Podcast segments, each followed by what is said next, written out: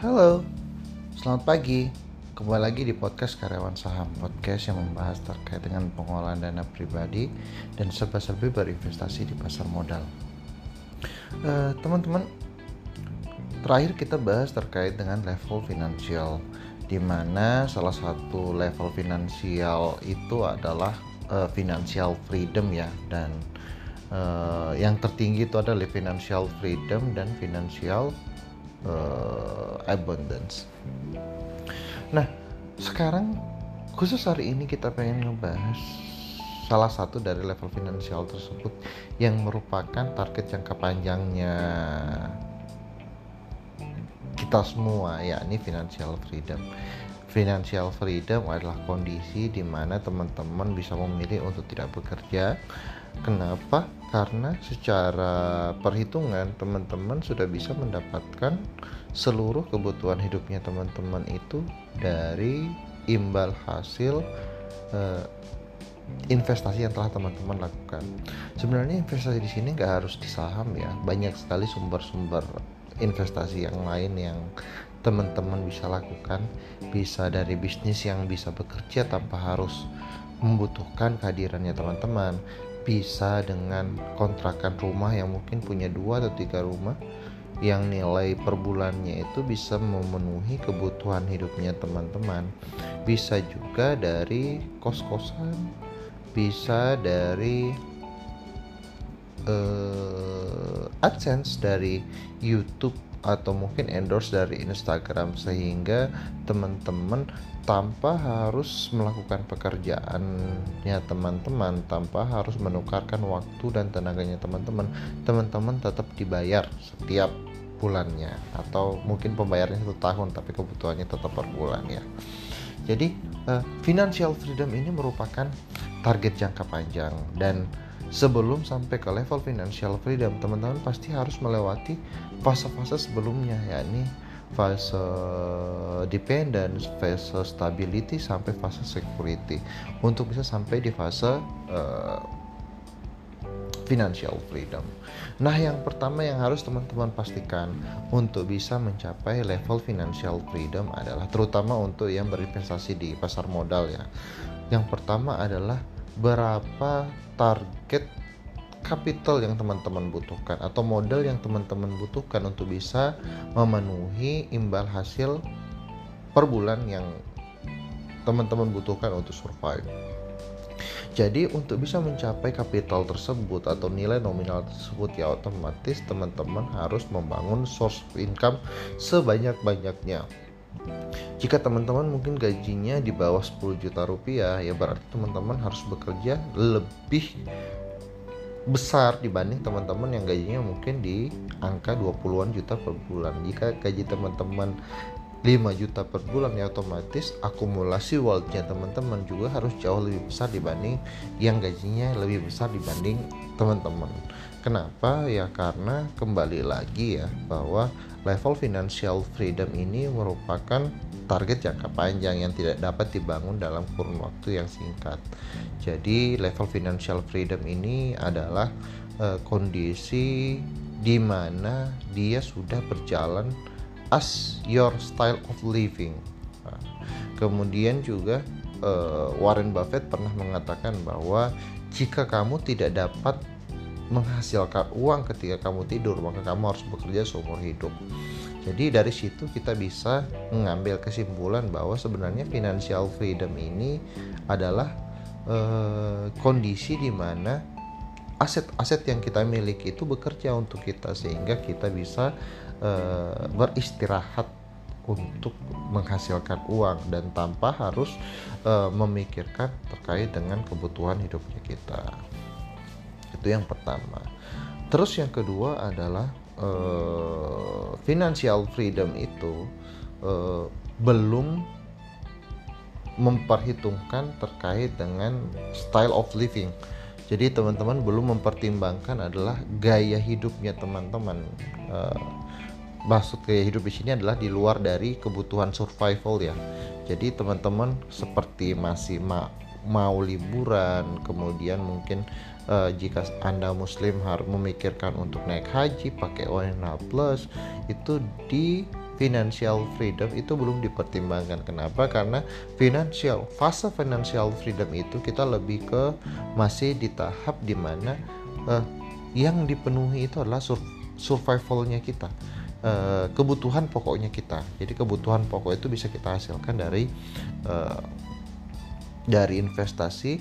Namun jika seandainya teman-teman masih punya target-target jangka pendek mungkin atau target-target jangka panjang yang lebih besar seperti menikah, membeli rumah, saya menyarankan untuk memiliki lebih dari satu source of income. Jadi teman-teman masih tetap bekerja sehingga bisa memenuhi kebutuhannya teman-teman jauh lebih cepat dibanding dengan mengumpulkan dari imbal hasil investasi.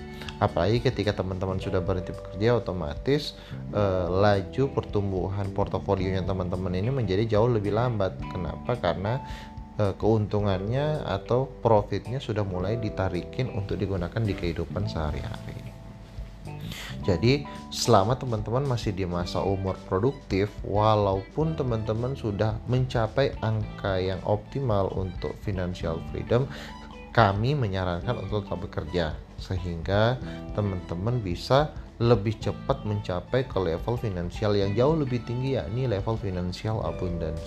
Di mana di level financial abundance ini uh, kalau saya katakan bahwa ini hanya one percent rules ya di mana one percent person ya di seluruh dunia yang bisa mencapai uh, level financial abundance ini. Kenapa saya katakan bahwa hanya satu persen? Karena bisa dikatakan uh, bahkan mungkin orang-orang yang terkaya di terkaya di Indonesia sekalipun masih belum bisa dikatakan level financial abundance. Kenapa? Karena bisa untuk bisa memenuhi kebutuhan hidupnya dia dia masih bekerja, dia masih sibuk bisnis.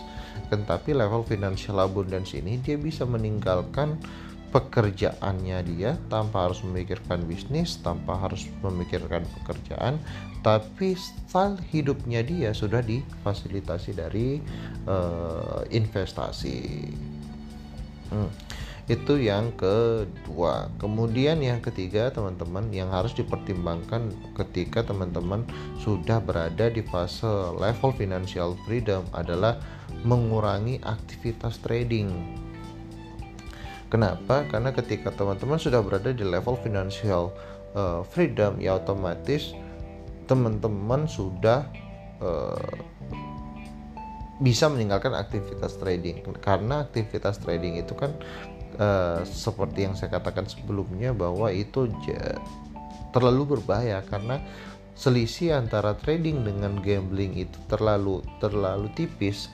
Uh, jadi ketika teman-teman berusaha untuk menebak harga kita memiliki potensi untuk kehilangan uang di pasar modal.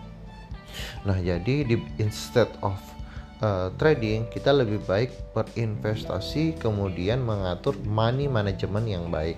Sehingga kita tidak mendapatkan harga uh, salah satu emiten atau emiten-emiten tertentu berada di angka yang tertinggi. Jadi ketika terjadi penurunan harga karena kita sudah berharapnya dari dividen, terjadi penurunan harga, kita hanya cukup untuk memastikan melakukan average down terhadap saham-saham yang sudah kita percayai bisa memberikan imbal hasil yang uh, cukup untuk kebutuhan hidupnya kita. Jadi itu teman-teman ya uh, secara overall uh, level financial freedom yang pengen kita capai uh, sebelum sampai di financial abundance menurut saya kita uh, target kita adalah financial freedom di mana kebutuhan hidupnya kita survival costnya kita itu dipenuhi dari financial freedom. Saya yakin bahwa banyak teman-teman di sini di pendengar-pendengar ini yang mengatakan bahwa saya belum sampai di sana saya baru mau pengen nikah baru mau baru mau punya rumah. Namun uh, perlu saya ceritakan bahwa menikah, punya rumah itu adalah target finansial yang sifatnya jangkanya jangka pendek.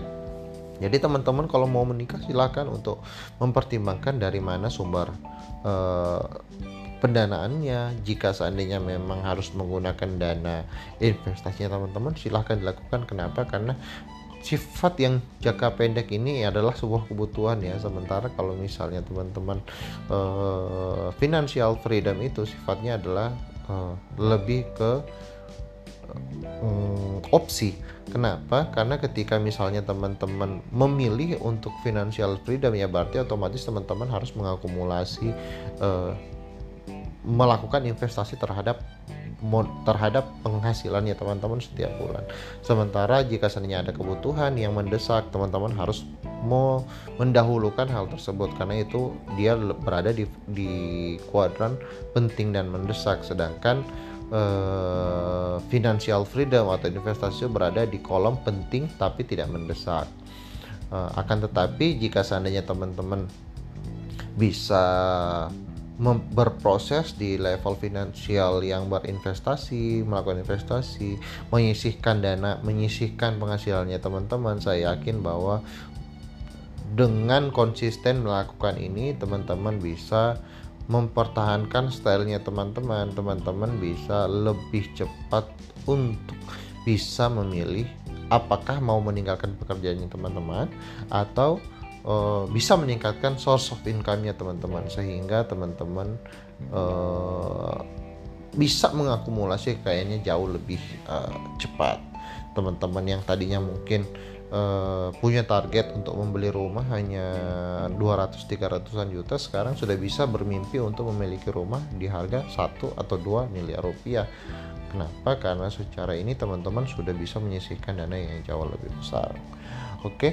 Uh, itu uh, oh ya uh, menurut saya perlu juga saya ceritakan ya teman-teman bahwa berapa sih angka maksimal nih yang teman-teman butuhkan untuk bisa dikatakan financial freedom. Sebenarnya ini uh, tergantung ya dari gaya hidupnya teman-teman.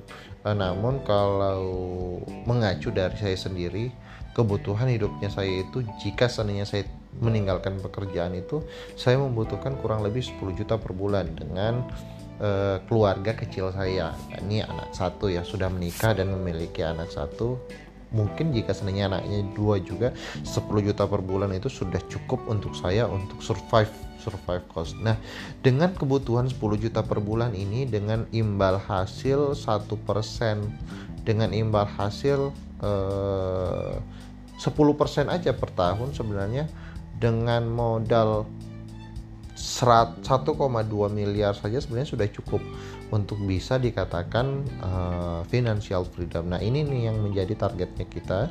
Gimana caranya untuk mencapai 1,2 miliar ini dengan tingkat pengembalian 10% per tahun. Jika seandainya imbal hasilnya bisa jauh lebih besar 20% ya berarti uh, modalnya teman-teman berarti membengkak jadi jauh lebih besar sehingga bisa memberikan imbal hasil yang lebih besar juga kepada keuangannya teman-teman. Namun saya sarankan bahwa ketika teman-teman sudah mencapai financial freedom, kondisi financial freedom yakni mencapai modal tertentu, kemudian teman-teman sudah bisa dihidupi dari dari investasi, teman-teman jangan meninggalkan pekerjaan utamanya teman-teman dulu. Eh, teman-teman uh, bisa mencapai sampai di fase uh, di teman-teman umur bekerjanya teman-teman. Kalau saya sih me mengatakan bahwa umur yang menurut saya masih produktif bisa bekerja ya ini di umur 40 atau 43 tahun lah ya. Ya paling lama 45 tahun sampai di umur 45 tahun itu kita masih bisa aktif bekerja, kemudian kita bisa dikatakan kita masih sangat produktif dan kita masih uh, endure to pressure ya jadi uh, itu masih fase di mana kita walaupun kita sudah mencapai level financial freedom, kita sudah mencapai level financial abundance, namun dengan kita menambah source of income ketika di umur 45, ketika kita di umur 40 tahun, uh, pundi-pundi kekayaannya kita itu sudah jauh lebih besar. Sehingga ketika kita misalnya mau liburan ke mana kita sudah memiliki dananya karena dana yang kita kelola sudah jauh lebih besar dari level finansialnya kita target financial freedomnya kita. Mungkin itu untuk sementara teman-teman. Kembali lagi nanti di podcast karyawan saham mungkin kita akan ngebahas yang lain-lain lagi ya terkait dengan target-target finansial. Uh, intinya adalah dalam mengelola keuangan itu kita tidak boleh maruk ya teman-teman. Tidak boleh maruk tidak boleh terlalu terlalu hemat juga menurut saya tidak baik. Kenapa? Karena e, dengan kondisi kita yang kita harus berlari sangat jauh. Karena berinvestasi itu adalah lari maraton bukan bukan lari cepat ya. Karena kondisinya adalah siapa yang bisa konsisten melakukan investasi ini sepanjang 10 tahun, sepanjang 20 tahun sehingga bisa mencapai imbal hasil yang dia butuhkan. Mungkin itu untuk podcast karyawan saham kali ini. Kembali lagi di podcast karyawan saham di episode selanjutnya. Selamat pagi dan assalamualaikum warahmatullahi wabarakatuh.